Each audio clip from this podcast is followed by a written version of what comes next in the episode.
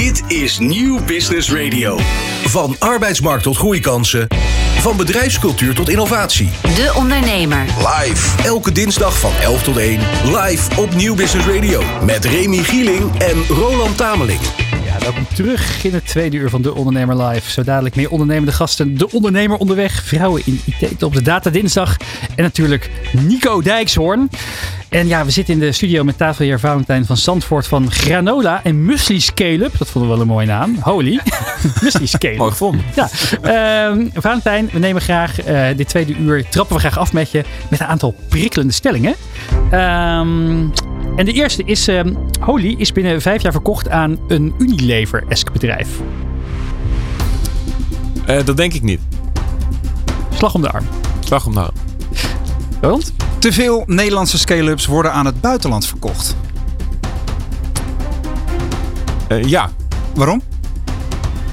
Wat is Nou- daar het gevaar van, laat ik het zo zeggen? Nou, ik denk dat we heel trots eh, als Nederland mogen zijn op heel veel mooie bedrijven. Ook met name de techsector die hier eh, ontstaan en die hier eh, ja, beginnen en opgericht worden.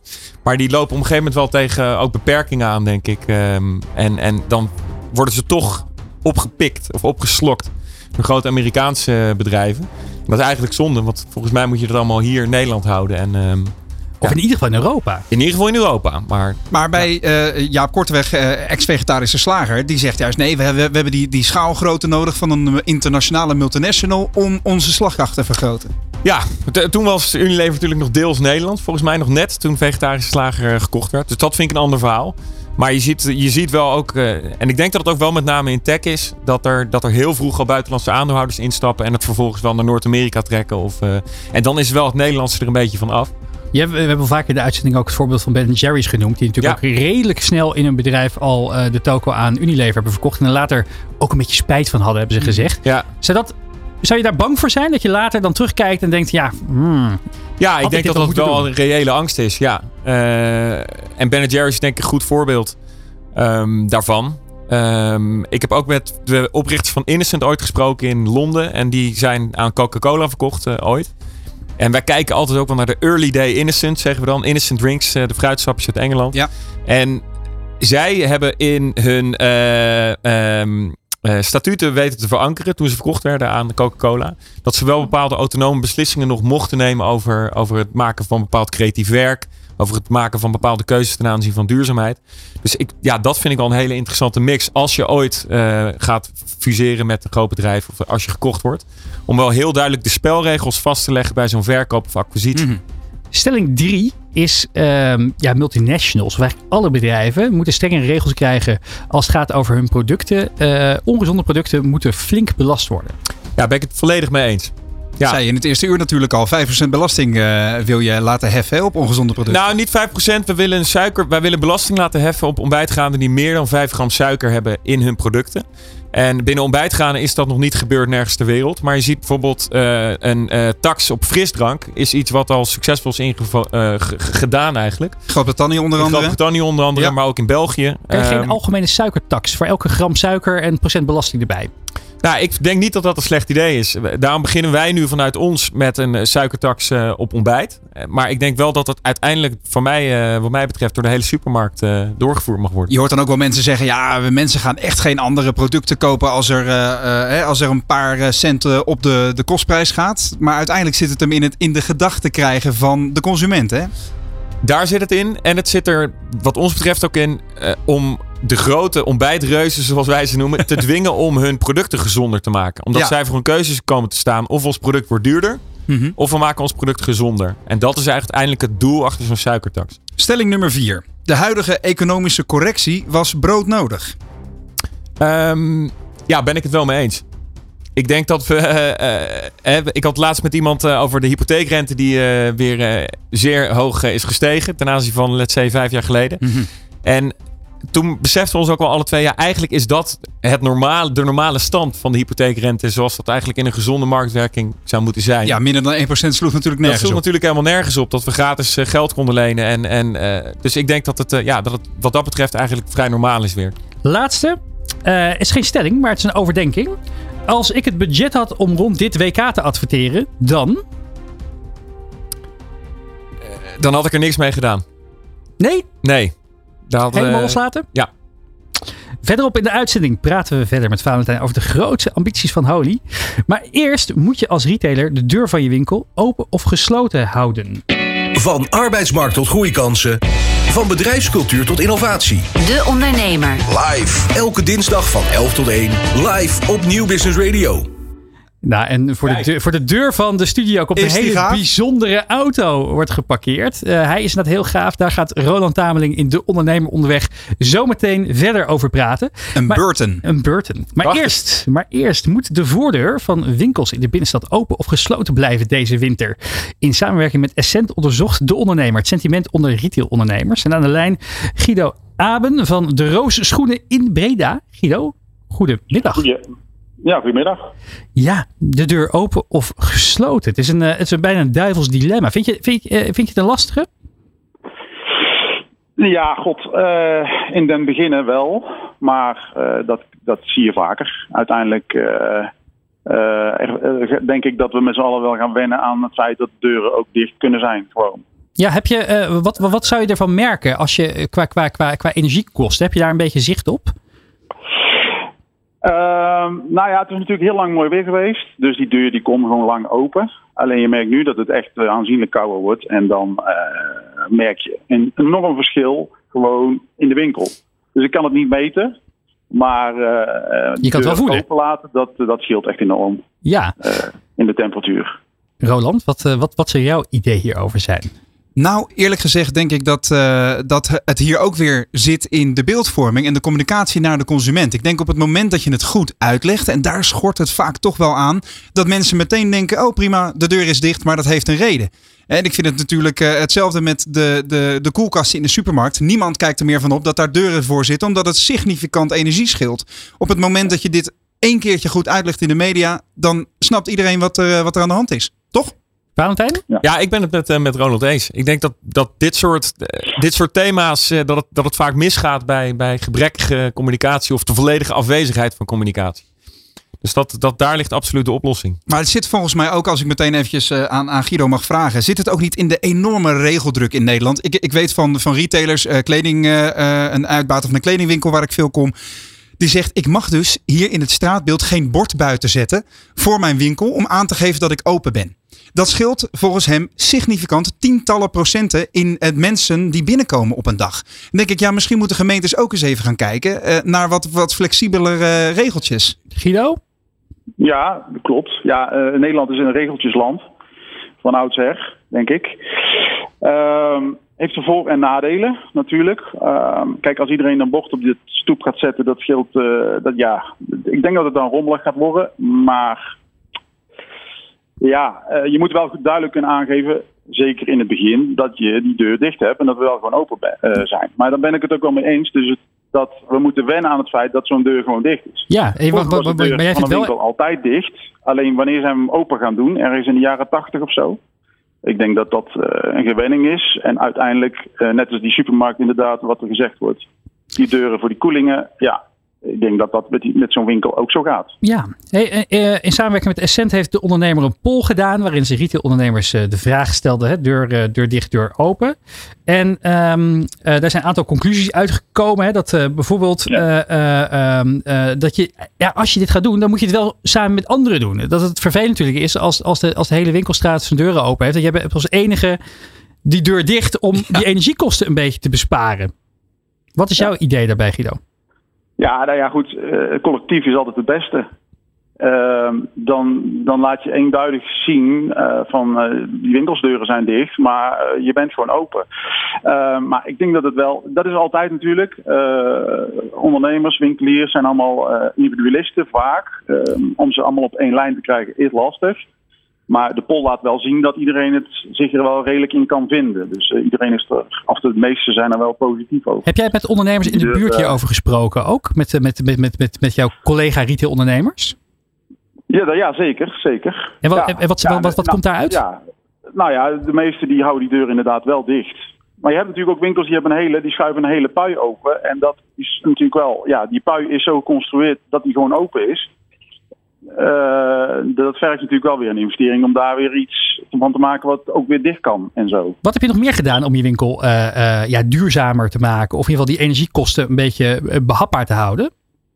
Nou ja, goed. Bij ons was het een magazijn en een kantoor aan. Er was één grote ruimte. Ehm, die hebben we gescheiden. Dat kantoor hebben we goed geïsoleerd.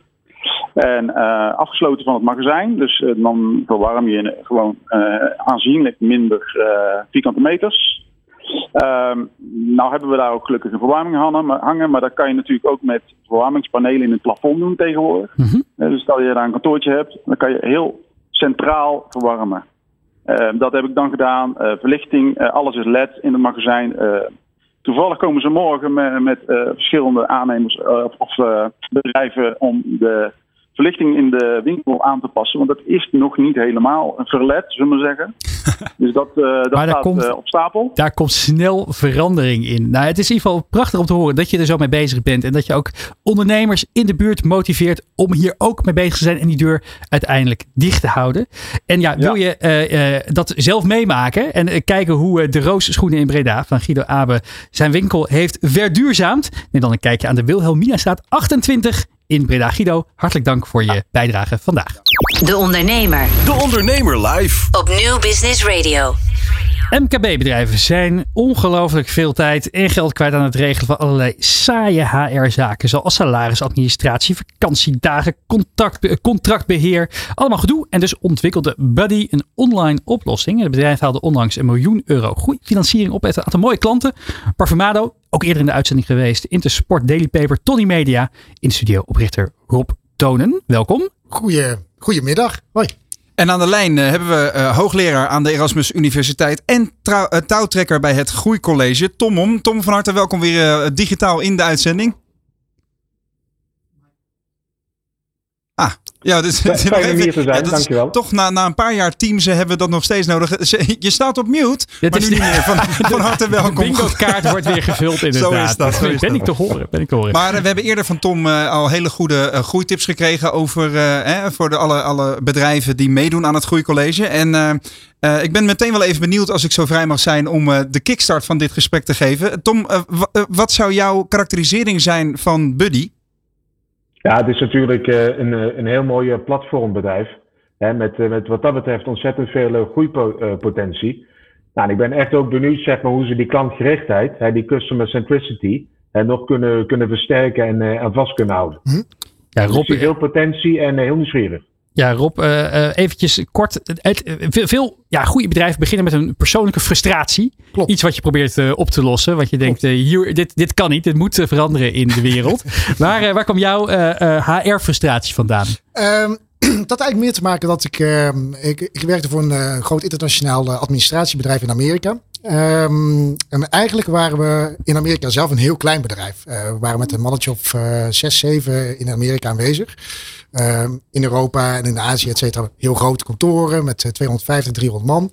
Um, maar we moesten eigenlijk onze eigen boontjes doppen daar. daar komt het op neer. Toen liep we tegen een probleem aan dat we nieuwe mensen lokaal wilden inhuren. En het eigenlijk heel lastig was met de eigen de, de, de HR-tooling die we op dat moment voor, voor Amerika hadden. Uh, er zat eigenlijk weinig opties in. Uh, de salarisadministratie liep bij ADP, een van de grootste uh, salarisadministrateurs ter wereld. Als er een probleempje was, nam niemand op. Want we waren maar met zeven man natuurlijk. Um, en ook op het gebied van secundaire arbeidsverwaarden was heel lastig iets aan te bieden als je kleine ondernemer bent, wat we daar waren. Um, en toen had ik een probleem. Uh, moest ik een oplossing vinden. Um, en ging kijken wat er uh, beschikbaar was op de Amerikaanse markt. En um, eigenlijk liep ik uh, op de, de Next Web in, in New York liep, ik, mm-hmm. liep ik rond. En liep ik een partij tegen het lijf. die heette JustWorks. En die gaf me meteen de oplossing voor alle problemen die ik had. Voor HR-administratie, salarisadministratie. Um, eigenlijk het legal tech, legal compliance gedeelte. En secundaire arbeidsvoorwaarden. dat hebben we toen ingehuurd, dat bedrijf. En toen dacht ik van, goh Nederlandse MKB-bedrijven zouden misschien ook wel met dit probleem spelen. Want het is ook gewoon zelf nog steeds lastig als kleine uh, ondernemer om, om dit allemaal te regelen.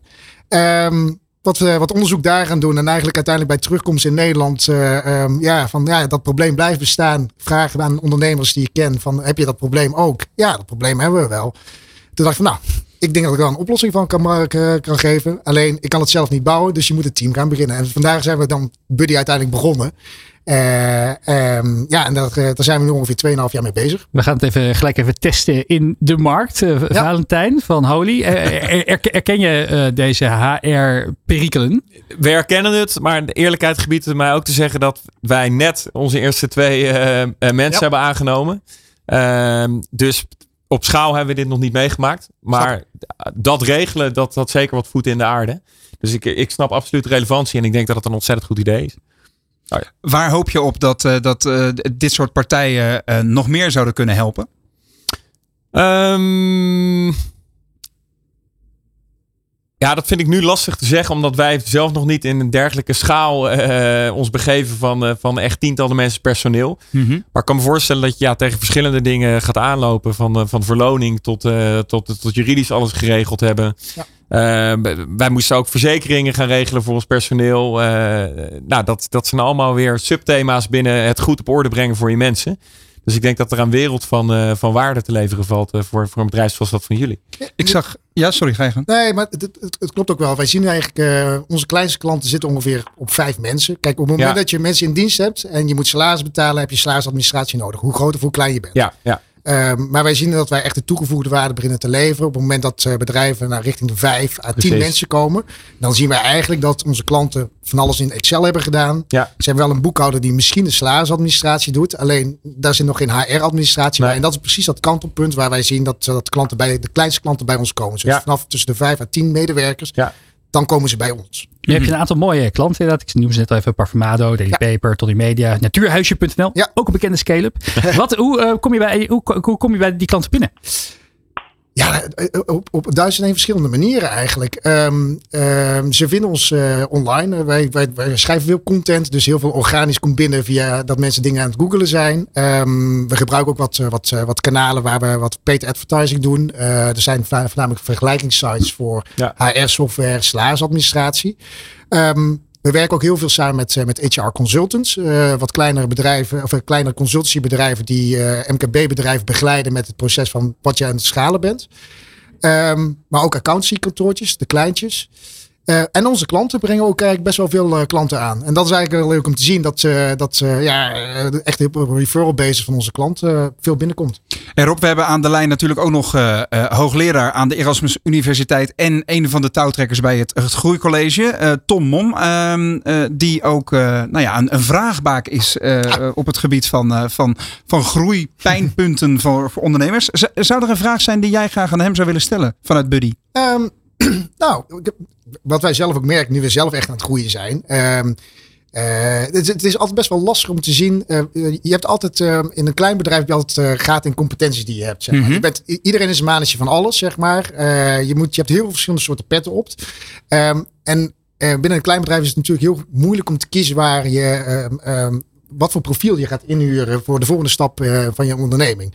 Dus dat, dat, dat vind ik eigenlijk best wel lastig. En vinden wij altijd wel lastig van, ja, je zet veel in eh, op één persoon die je misschien gaat aannemen. Wat als het nou toch niet die fit is? Ehm, dat is lastig. Ehm, ja, we, we kijken ook wel waar kunnen we de mensen echt voor in dienst nemen. Of waar gaan we nog outsourcen een derde partij. Maar ik denk eigenlijk de grootste challenge uiteindelijk is zorgen dat je eh, de juiste fit met de mensen hebt. En dat is heel lastig in een klein bedrijf. Dus je kunt niet zo heel veel fouten maken. Zeker niet als het op, eh, op aannemen van personeel gaat. Dus concreet, de vraag aan Tom zou zijn, hoe zorg ik dat ik op de juiste manier de juiste mensen weet te vinden? Ja, eigenlijk dat. Tom, Ja. wat is je antwoord? Nou ja, kijk, eh, ik kan me voorstellen als je een beetje in deze fase van groei bent, hè, 2,5 jaar bezig. Wat eigenlijk belangrijk is, is dat je de complementariteit gaat opzoeken. En vooral in de zin van dat er voldoende power is, zeg maar, eh, ja, om de groei vooruit te blijven duwen. Echt dat ondernemende zijn. Maar je zult ook steeds meer mensen nodig hebben die in staat zijn om de rotzooi op te ruimen. Hè, dus echt het, eh, het managen van de groei. Ja. Weet je, vraagstukken als het verbeteren van je technologieën, je, je producten, je marketing efficiënter maken, maar tevens ook blijven nadenken. Wat zijn de groeipaden hè, over, over twee, tweeënhalf jaar? Dus die complementariteit, dat is een, eh, dat is een, eh, dat is een grote uitdaging. Maar, Maar- ook een sterkte als dat lukt. Maar Ja. hoe kleed je dat effectief in dan? Is dat een kwestie van je, je vacature zo scherp mogelijk schrijven? Het begint eigenlijk bij, eh, bij goed begrijpen van wie je zelf bent op dit moment als ondernemer. Hè, en en wat, je, wat je eigen sterktes zijn. Daar zoek je expliciete complementariteit op. En daar schrijf je inderdaad de, de vacature naar. Vaak is dat toch belangrijker hoe die persoon zeg maar in elkaar steekt. Hè, of, het, of het echt een ondernemer is of meer een manager. dan of die zeg maar goed is specifiek on the job. Hè, Ja. Qua technologie of qua branding. Nou, hartstikke goed, eh, Tom Mom. Dankjewel voor eh, weer een, eh, een fijne tip en truc namens het Groeicollege. Precies, als je daar meer over wil weten over het Groeicollege, kijk even op deondernemer.nl. Ja, Rob, laatste vraag eigenlijk. De, de, de, de grootste ambitie, hè? Waar wil je naartoe met Buddy? Waar wil je over twee jaar staan?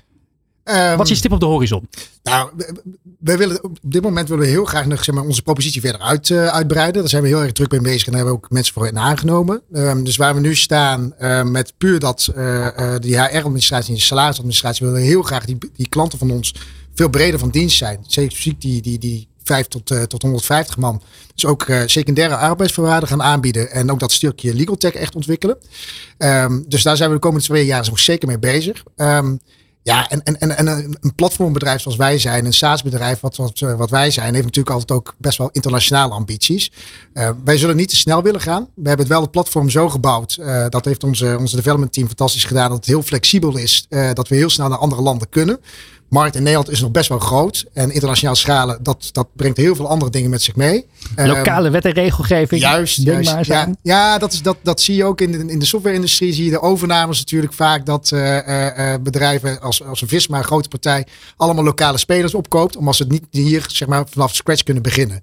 Ehm, dus vandaar. Nou, als je daar meer over wil weten en je wil ook ontzorgd worden van die vervelende Excels en die mailtjes van die medewerkers of ze weer een vakantiedag mogen aannemen, kijk dan even op buddy.nl. En Buddy is op met de B-U-D-D en dubbel E. Ontzettend bedankt voor je komst eh, vandaag, eh, Rob Tonen. Kort maar krachtig. En natuurlijk ook eh, Tom Om, hoogleraar aan de Erasmus Universiteit en touwtrekker bij het Groeicollege.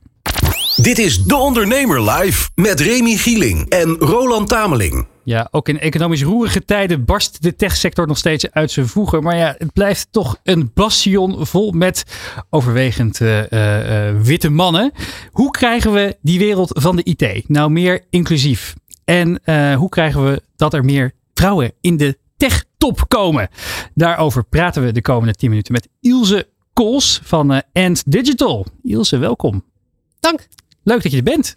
Zeker. Wat is, het, eh, wat is volgens jou ik, het grote probleem? Ik heb het al even proberen te introduceren hoe ik het zie. Maar wat, eh, waar denk jij dat, het, dat we tegenaan lopen? Ja, met name denk ik toch dat er te weinig aandacht is eh, voor wat vrouwen kunnen brengen in bedrijven. En wat we echt daadwerkelijk kunnen, kunnen toevoegen. Nou, heeft natuurlijk heel veel verschillende achterliggende redenen. Wat zijn de grootste volgens jou? Wat zijn de grootste obstakels waarom we hier zelfs in 2022 nog steeds over moeten hebben met z'n allen? Eh, ik- ja, misschien toch de angst en het gemak van een man doet het gewoon heel goed. Dus waarom kiezen we nu gewoon niet voor die man? Eh, gewoon be- eh, het, het, het is bekend. We weten wat het is. Eh, er zitten al heel veel mannen, dus we kiezen maar gewoon weer wat een beetje op onszelf lijkt. Ja, Opnieuw voor de dus een- makkelijk een- weg. Een, een soort gewoonte denken, hè, waar Valentijn het net eigenlijk ook al over had in de, in de keuze van het ontbijt. Eh, we, we stelden eerder de vraag aan jou, Valentijn, hoe jij dat hebt doorbroken. Maar Ilse, Ja. hoe, hoe doorbreek je dan ehm, ja, die, die algemene tendens van ja, we doen het gewoon met de mannen?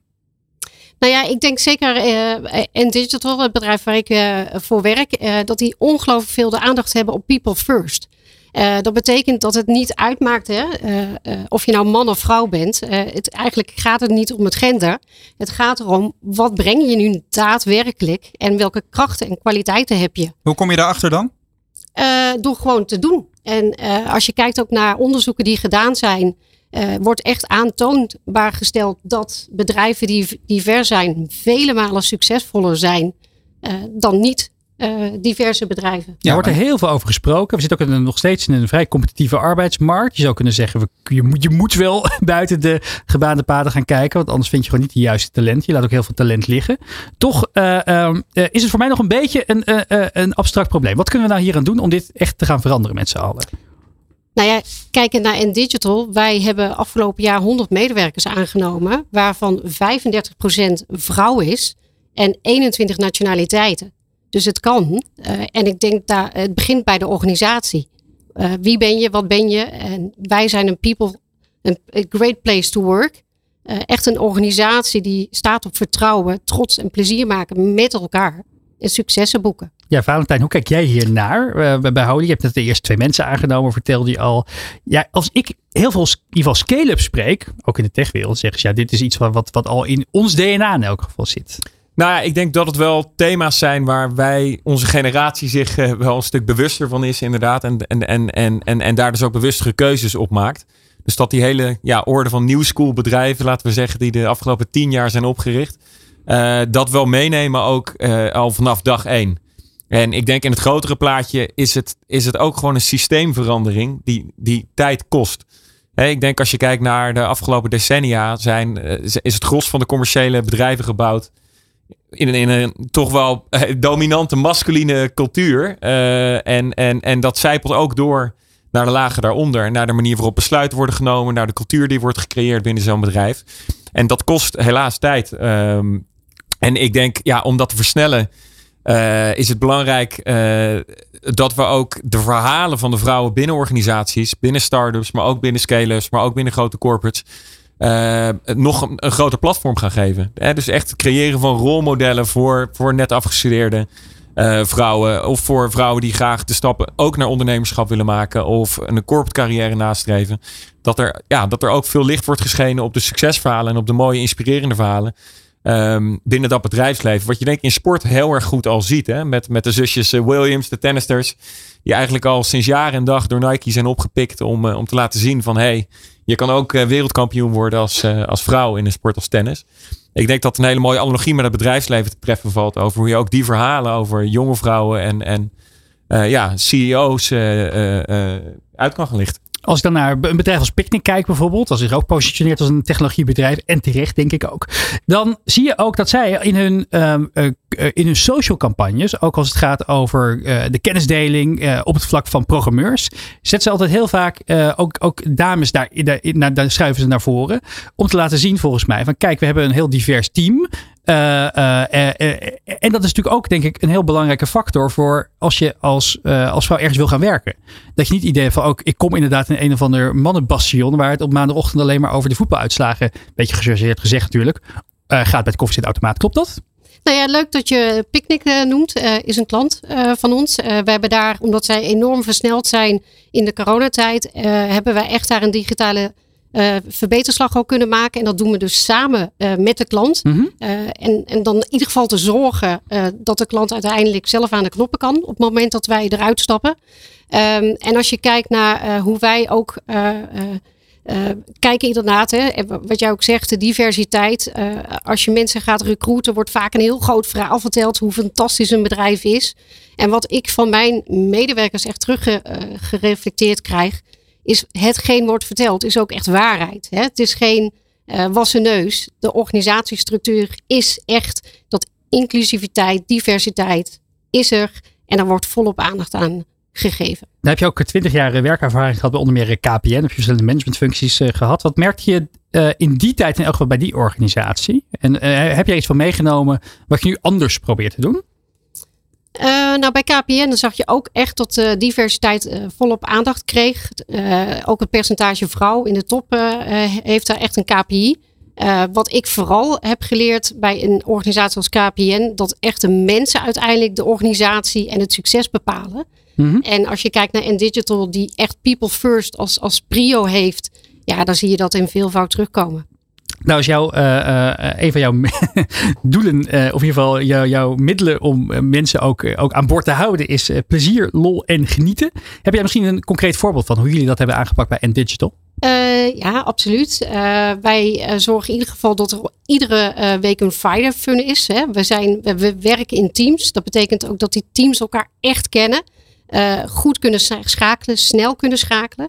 Dat is denk ik anders bij andere consultancypartijen waar echt mensen eh, eh, op korte termijn bij elkaar worden gezet. Ja. Elkaar eerst nog moeten leren kennen. Hechte teams? Hechte teams. Dus eh, Friday Funds, ook per kwartaal, events om echt met elkaar naast het harde werk ook leuke dingen te doen.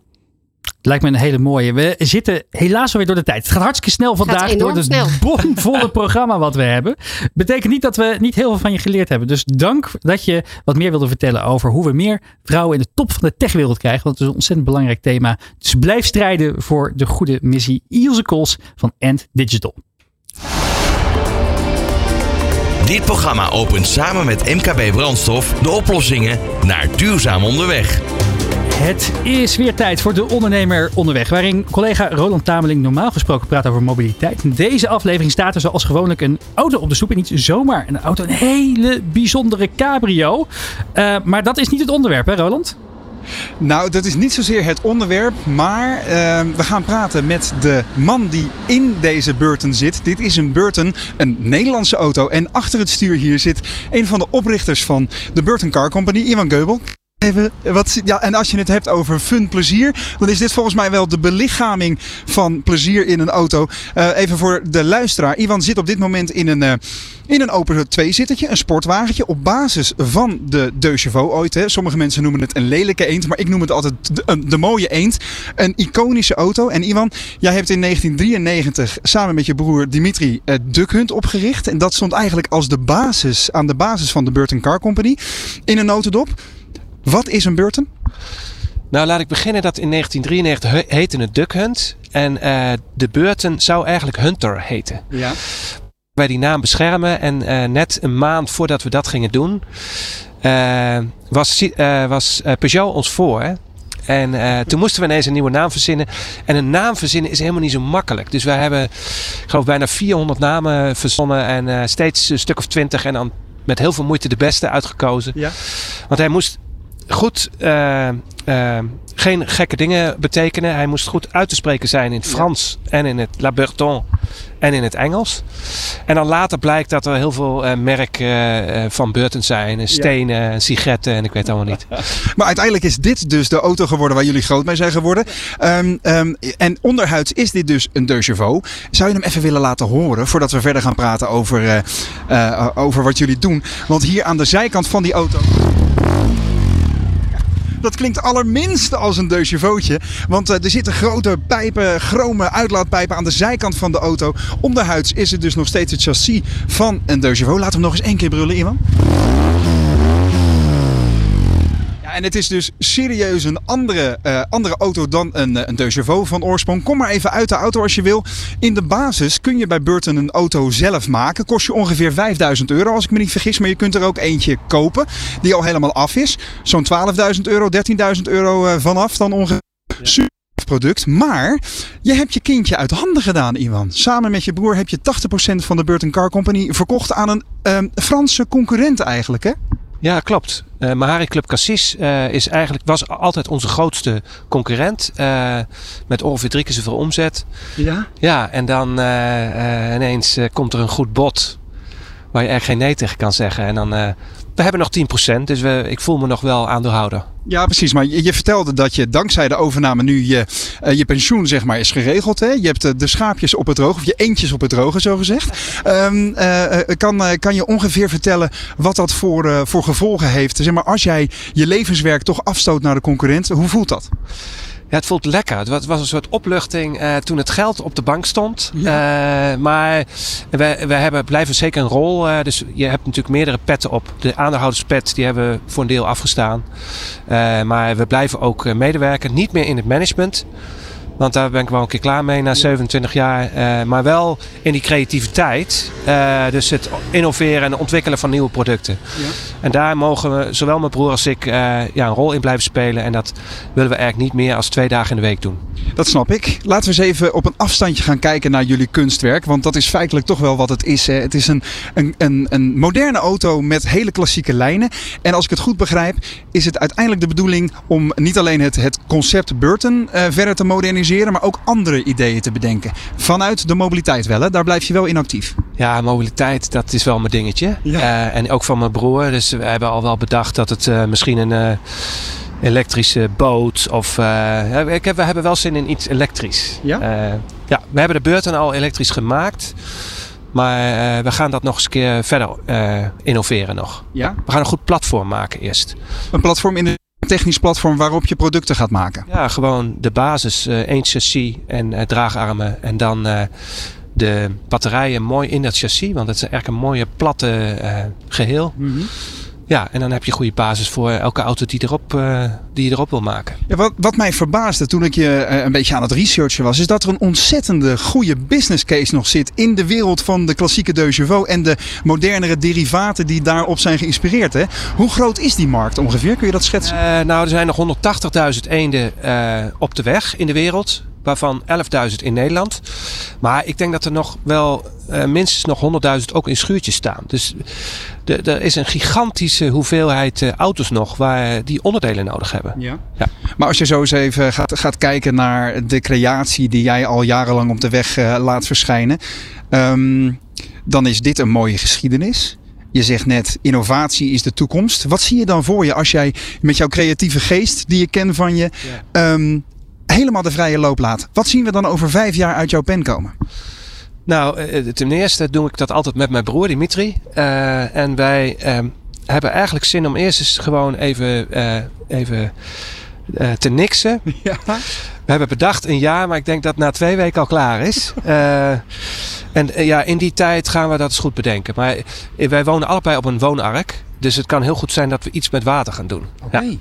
Maar, maar, het klinkt alsof je. op auto's, dus het uh, kan net zo goed uh, weer iets met auto's of iets daartussenin zijn. Ja, want stiekem klinkt het al alsof je meer concrete plannen hebt dan je nu al deelt met me, of niet? Ja, dat is zo. We houden dus de vinger aan de pols. Heel interessant. En, um, maar uh, de, mobiliteit en de toekomst van mobiliteit leent zich natuurlijk ook heel erg voor meer um, ja, afwijkende concepten. Hè? Uh, auto's die het echt anders doen dan wat we al gewend zijn. Of tweewielers of vaartuigen.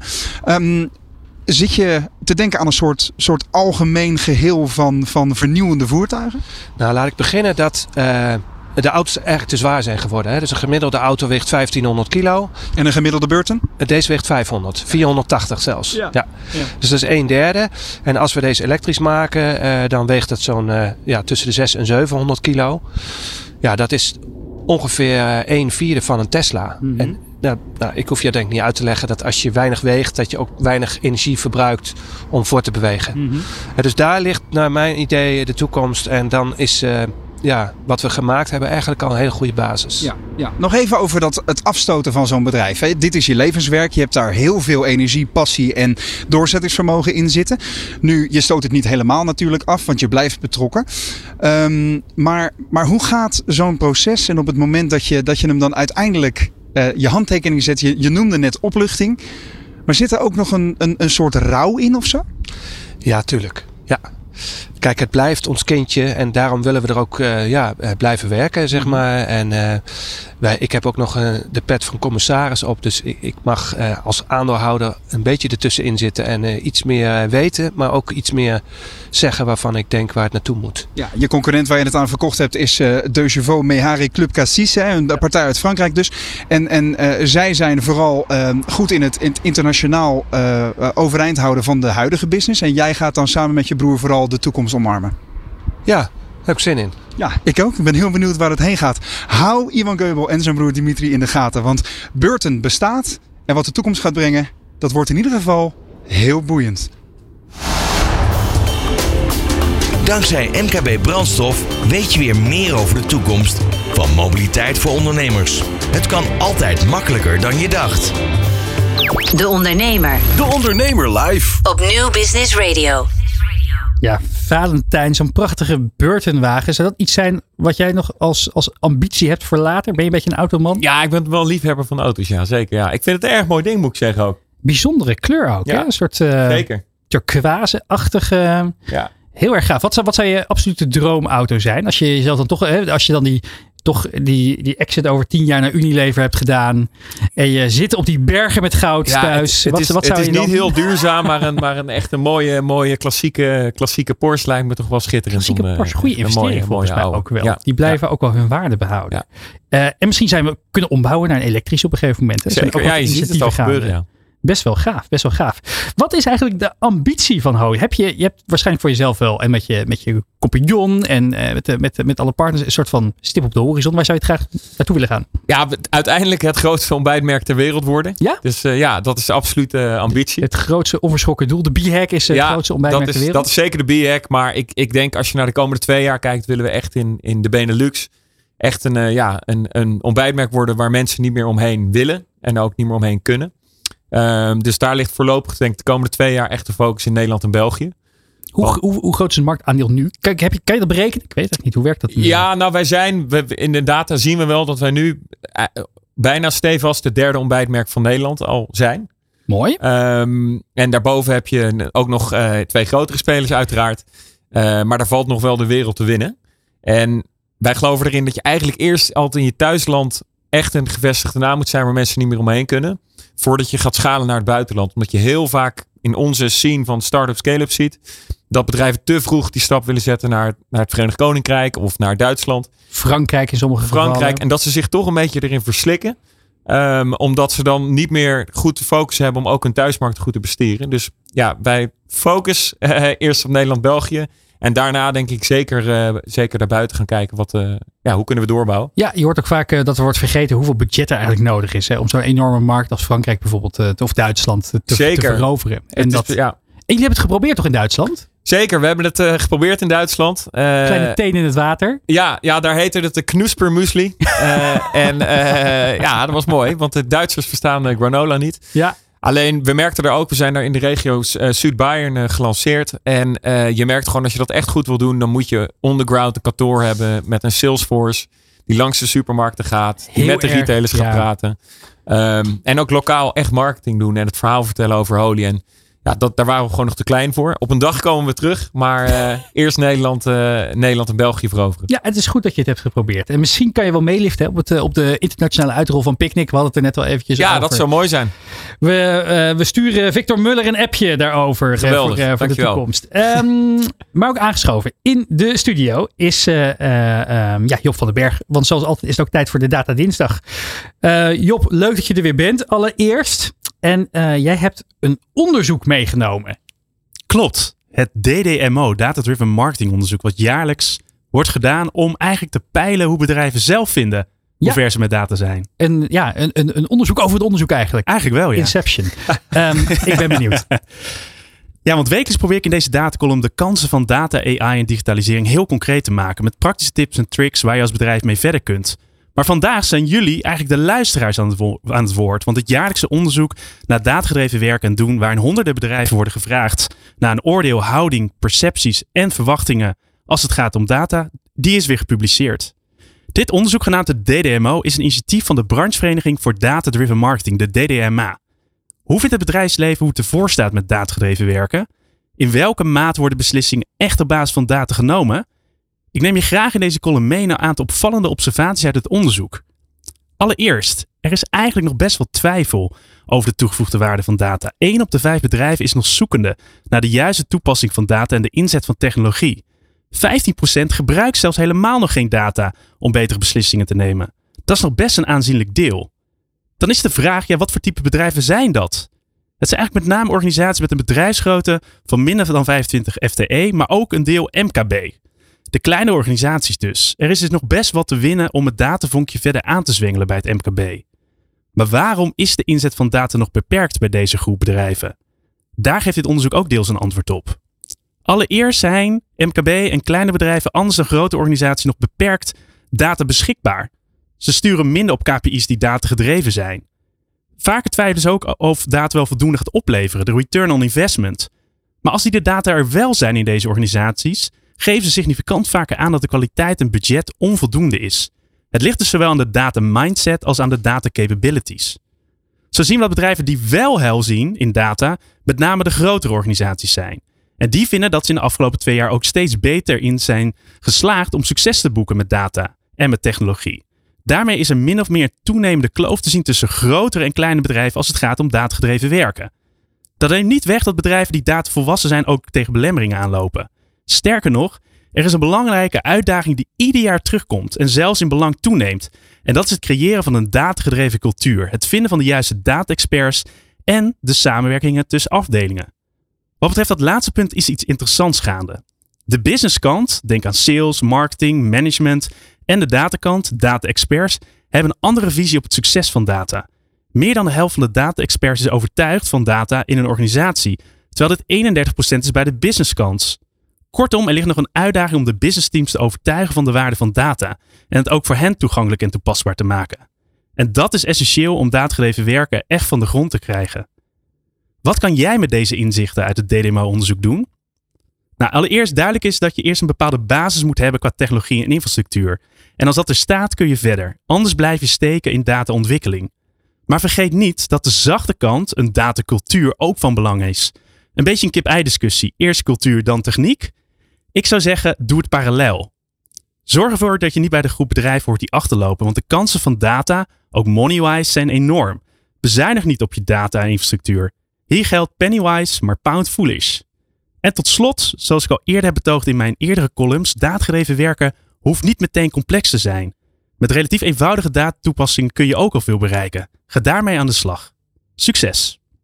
Dankjewel Job van den Berg van Blue Field Agency. Hoe, ehm, je, je bent ook lid van het kernteam van de DDMA. Klopt, klopt. En ook meegedacht, meegeholpen aan dit onderzoek. Het is erg leuk om te doen ook. Hoe, eh, hoe, hoe begin je zoiets? En wat, wat, wat, hoe, hoe voer je dat vervolgens dan ook uit? Ja, nou, dit onderzoek wordt sowieso een aantal jaar gedaan. En ik doe dat in een groep van data-experts, zowel aan bureauzijde, klantzijde, uh, uh, publisherszijde. Dus het is echt een heterogene groep van, vanuit verschillende disciplines. En eigenlijk kijken we altijd naar ja, wat, welke trends zien wij zelf in de, in de markt. En er is ook een aantal vaste vragen, want je wil heel graag die trendlijn ook zien. En het is heel leuk, eigenlijk vanuit die verschillende vakgebieden en, en achtergronden proberen we daar elke keer een bepaald thema uit te pikken. Maar ook dus te kijken naar die trendlijn. En op die manier zoekt het uit. Het is een onderzoek die wordt gedaan onder de achterban van de DDMA, de Data Driven Marketing Association. Maar ook hebben we een representatief panel uh, uh, onderzoek gedaan via een panel van GFK. Om ook een bredere doelgroep te krijgen, zodat je wat meer representatieve beeld kan krijgen. Ja, Valentijn, hoe is het bij Holy? Hoe, hoe datagedreven zijn jullie? En herken je een beetje je in dit onderzoek? Nou, we herkennen, we, herken ik me zeker in. um, wij worden steeds meer datagedreven. Uh, en ik, ik denk met name voor ons de uitdaging, en dat nou, beaamt het onderzoek ook zoals ik, uh, zoals ik hoor, is de toegang tot data. Uh, want dat kost geld.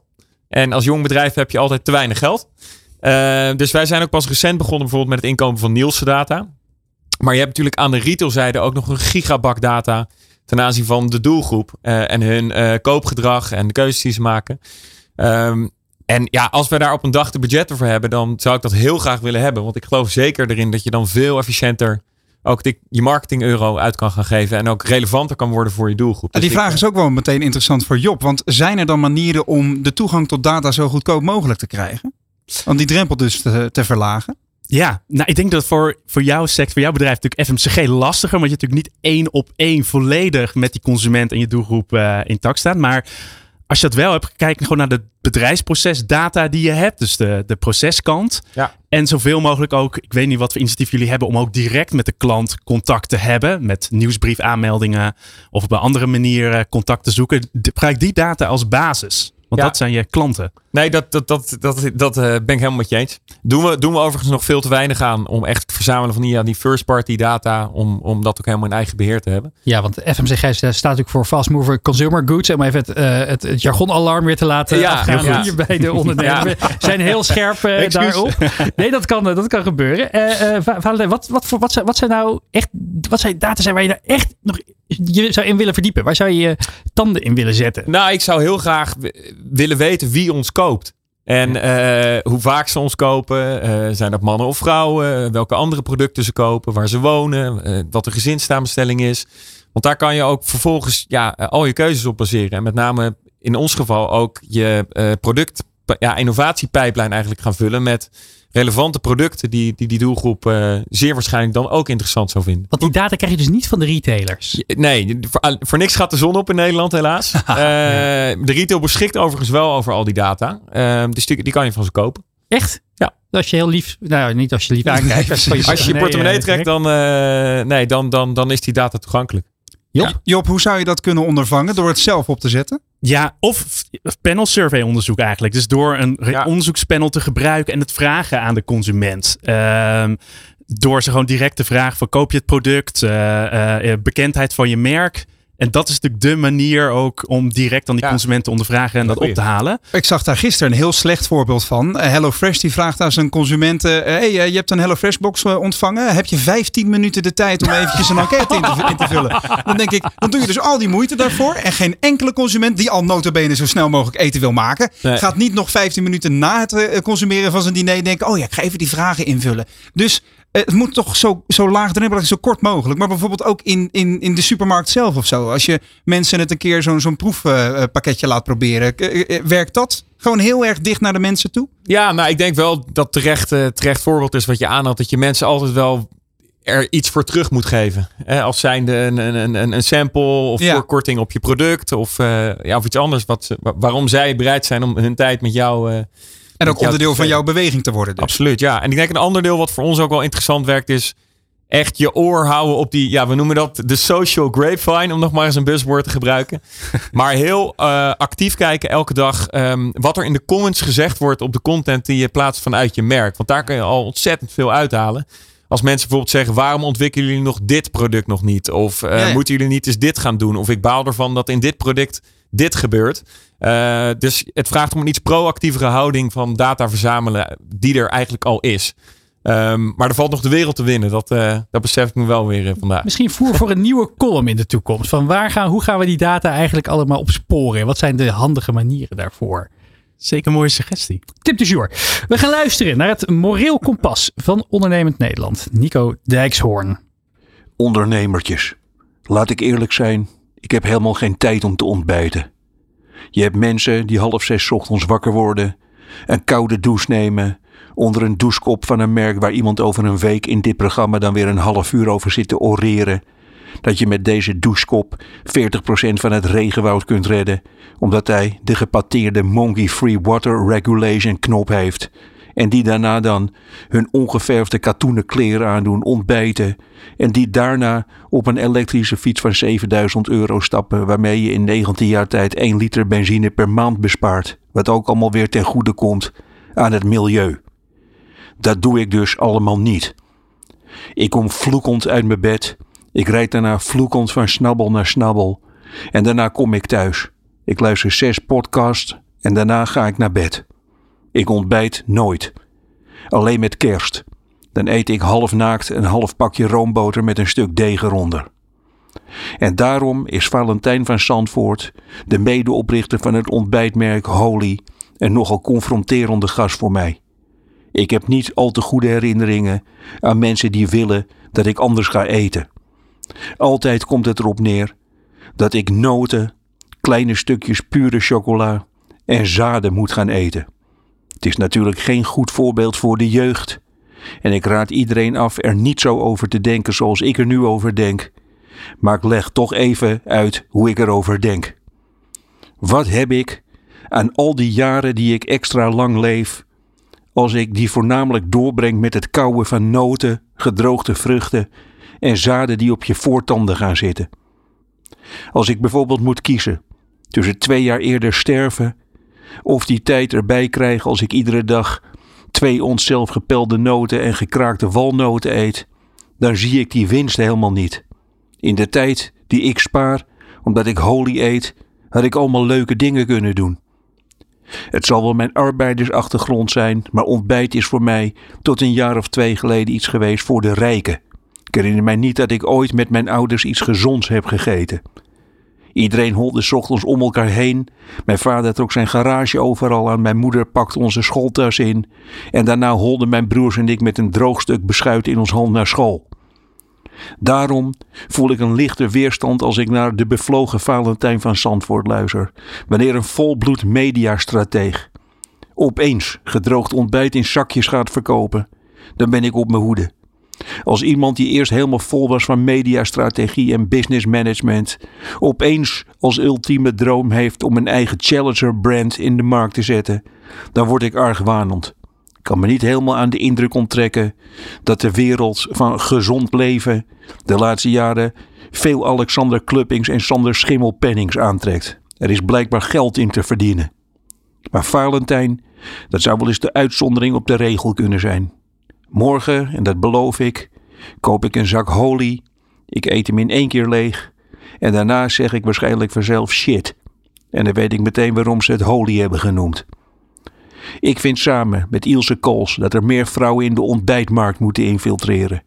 Mannen verzinnen een ongezellige zak vol met noten die altijd vacuüm lijkt getrokken en vrouwen zullen met veel leukere ideeën komen, denk ik. Een huis aan huis ontbijtgranenservice bijvoorbeeld. Een leuke, gezellige plastic bak aan de binnenkant van je brievenbus, die iedere ochtend door de bezorger van je krant wordt volgestort met toegevoegde suikers. En die verbrand je dan met je gezin in de achtertuin, zodat je met een goed gevoel de dag begint. Daar kan Rob Tonen van Buddy dan weer een geinige podcast over maken. En nu niet zeggen dat is helemaal geen leuk onderwerp voor een podcast. Want tegenwoordig is alles een leuk onderwerp voor een podcast. Volgens de laatste telling maken nu 13 miljoen Nederlanders een wekelijkse podcast. En die zijn altijd aandoenlijk amateuristisch. Ik smeek Rob Tonen om daar niet met zijn professionele adviesjes binnen te vallen. Doe het niet, Ron, hele slechte podcastmakers, het volgende advies geven. Nooit met een mond vol granola je podcast opnemen. Nico Dijkshoorn zegt juist wel.